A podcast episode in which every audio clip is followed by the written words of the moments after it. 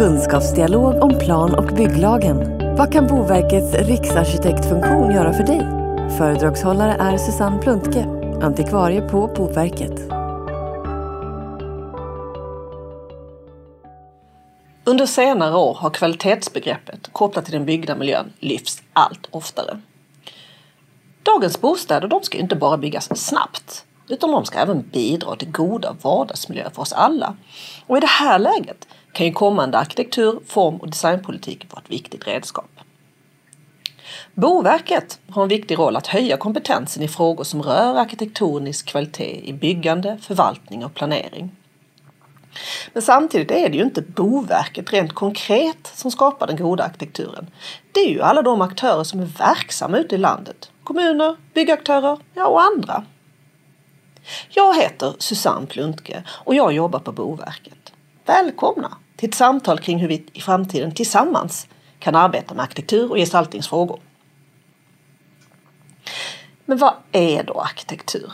Ja, i Boverkets ögon så handlar arkitektur om allt mänskligt formande av den fysiska miljön. Både det som redan finns på en plats och det som byggs nytt. Arkitektur det handlar också om hela skalan. Från hur vi gestaltar landskapet och staden med dess platser och mellanrum ner till den enskilda byggnaden med sina detaljer. Alltså så lever vi alla mitt i arkitekturen och vi blir direkt påverkade av den varje dag. Arkitekturens kvaliteter kan därför upplevas både professionellt och på ett personligt plan. Och det mesta vi har runt om oss det är ju så kallad vardagsarkitektur och där tillbringar vi större delen av vår tid. Vardagsarkitekturen den kan ju verka oansenlig, men den är viktig att ta hand om. Inte bara för att det är så stor del av vår bebyggelsevolym och att den speglar vår historia dessutom. Nej, men också eftersom det byggda det är redan bundna naturresurser och bundet kapital. Vidare så angår arkitektur, arkitekturen oss alla. Att arbeta med arkitektur det handlar ju om att ta tillvara och ibland ändra det som redan finns. Men också att skapa mervärden i något helt nytt. Och då krävs såväl gestaltande kunskaper som ett medvetet förhållningssätt till platsens förutsättningar, de kulturhistoriska värdena och, och landskapet i sig. Arkitektur ska ju möta många olika samhällsutmaningar och förhoppningsvis förena ibland motstridiga intressen eller ibland hjälpa oss att välja mellan dem. Men hur ser de politiska målsättningarna vad gäller arkitektur ut? Ja, nu gällande nationella mål för arkitektur, form och designområdet de kom redan 1998. Våren 2014 då var det dags att se över politikområdet och det tillsattes därför en särskild utredare. Utredningen Gestaltad livsmiljö den lämnades till Kulturdepartementet oktober 2015. Och i Boverkets remissvar sa vi bland annat att Boverket bör få ett nationellt samordningsansvar för politikområdet istället för att inrätta en ny myndighet ledd av en riksarkitekt som utredningen föreslog. För det står ju bland annat inskrivet i vår instruktion att vi ska verka för en god arkitektur och en ändamålsenlig utformning av den bebyggda miljön i samhällsplanering och i byggande. Och mot bakgrund av vårt remissvar jobbar Boverket sedan våren 2016 mer aktivt med arkitektur och gestaltningsfrågorna. Även i regeringskansliet pågår ett intensivt arbete just nu med arkitektur. I februari 2017 fick Boverket av Näringsdepartementet uppdraget att få fram ett underlag till nationell arkitekturpolicy. Och tillsammans med andra myndigheters underlag har det här materialet ett inspel till Kulturdepartementets proposition för arkitektur, form och design som förhoppningsvis kommer inom kort. Det övergripande syftet med propositionen är att lyfta och stärka arkitekturens och designens ställning i samhället och i offentlig sektor.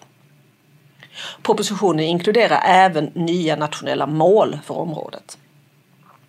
Miljödepartementet har i sin tur i höstens budgetproposition föreslagit ett nytt mål för levande städer, vilket också kopplar till arkitektur, form och designpolitik. Men eh, tillbaka till det underlag som Boverket i våras tog fram då på Näringsdepartementets uppdrag. Ja, underlaget fokuserar på kommunernas arbete med arkitektur och gestaltningsfrågor inom ramarna för plan och bygglagen. Men också på den samverkan som sker mellan kommuner och berörda parter för att skapa just goda livsmiljöer. Medborgardeltagandet och hur arkitekturen kan bidra till att möta samhällsutmaningar och behov. Det är också frågor som tas upp i rapporten. Eh, och den lyfter även fram exempel från olika kommuner. Rapporten visar även att det finns stora brister i tillgång på bemanning i kommunerna, såväl vad gäller arkitektonisk som kulturhistorisk kompetens. Plan och bygglagen som ramlag ger kommunerna stora möjligheter att utifrån de lokala och specifika förutsättningarna arbeta med arkitektur och gestaltningsfrågor. Utöver plan och bygglagen så behöver berörda aktörer dessutom i detta arbete även kompletterande verktyg. De är såväl juridiska som ekonomiska och kommunikativa. Men vilka dessa är, det varierar beroende på situation. Kommunernas förutsättningar varierar både vad gäller fysiska förutsättningar, kompetens och därför varierar också arbetssätten och vilka dokument de använder. Boverkets kartläggning visar att olika kunskapsunderlag tas fram på olika sätt, med olika syften och de har också olika namn många gånger. Rapporten lyfter styrkorna med olika verktyg som finns i plan och byggkedjan och de visar på hur kommunerna arbetar med arkitekturfrågor samt vad som kan vara framgångsfaktorer. Exempel på, på det här är att eh, koppla arkitekturpolicy till en översiktsplan. Att arbeta med gestaltningsprogram i detaljplaneprocessen och att på olika sätt styra gestaltningen i bygglovet. Men det går inte enbart att genom bestämmelser och lagstiftning åstadkomma en god arkitektur. Det krävs också kreativitet, kunskap, dialog och samförstånd. Att man har en gemensam målbild men det handlar också om att kommunen måste vara skicklig på att axla sina olika roller och förstå vad det betyder för arkitektur och gestaltningsfrågorna. Kommunen agerar ju ibland som myndighet genom byggnadsnämnden, men andra gånger som markägare, fastighetsägare eller genom sina bolag och stiftelser. Det handlar också om det politiska ledarskapet. Att tillsammans med andra bygga och hålla i en vision att ta rollen som god processledare och att vara förebild. Det handlar även om hur kommunen är organiserad, vilka resurser, vilken kompetens som finns, hur samtalen förs, vilka som involveras och vilka strategierna är för att nå uppsatta mål. Vill du veta mer eller läsa hela rapporten så finns den att hämta på vår hemsida. Okej. Okay. Nu vet vi till exempel att arkitektur har en viktig roll att fylla. Att Boverket har kartlagt kommunernas arbete med arkitektur och att det finns politiska ambitioner på området. Men vet vi någonting hur den nya arkitektur, form och designpolitiken ska genomföras? Alltså rent konkret. Ja, Regeringen har ju flaggat för att den kommande propositionen den kommer inte bara innehålla nya nationella mål för området utan även en stärkt ansvarsstruktur. Tillsammans med regeringens insats att möta landets bostadsbrist och det nya målet för hållbara städer är syftet att på detta sätt skapa en sammanhållen politik för hållbara livsmiljöer för alla. Det här är ju viktigt eftersom politiken för arkitektur, form och design omfattar verksamheter inom ett stort antal politikområden. Och utvecklingen den påverkas av en mängd processer och många olika aktörer. Gestaltningsfrågorna är ju ett område som påverkar alla människor i samhället.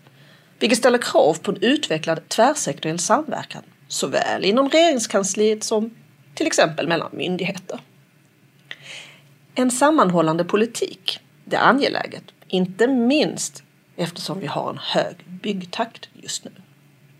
Behovet av ett medvetet förhållningssätt till arkitekturfrågor finns i hela landet och därför tycker regeringen att det är nödvändigt att det finns förutsättningar för en spridning i hela landet för kommande insatser. Den aviserade ansvarsstrukturen i arkitekturpropositionen kommer med stor sannolikhet att medföra att Boverket får ett förstärkt ansvar för arkitektur och gestaltad livsmiljö. Exempelvis ett nationellt samordningsansvar för frågorna, att vara kompetensstöd till offentliga aktörer på statlig, regional och lokal nivå. Eller att vi, vi genomför andra främjande insatser. Om så sker så bör ju detta göras för att stärka arkitekturens funktion i samhället samt att främja en hög arkitektonisk kvalitet i hela landet. Ja, det där låter ju bra. Men hur ser egentligen behoven ut runt om i landet? Vilken sorts stöd behövs? Var finns det kompetensbrist och hur kan vi på ett bättre sätt lära av varandra? Boverket har ju i tidigare nämnda rapport föreslagit bland annat följande åtgärder för att stärka arkitekturens ställning. Genomför påbyggnadsutbildningar för bygglovshandläggare. Inför riktade anslag till arkitekturprogram på kommunal och regional nivå för att genomföra utbildningsinsatser som hör dit. Genomför ett statligt lätt kunskapslyft brett i samhället och det kan göras till exempel genom seminarier, utställningar, föreläsningar. Och slutligen så bör Boverket ta fram vägledning och allmänna råd genom området. Ja, så tänkte vi.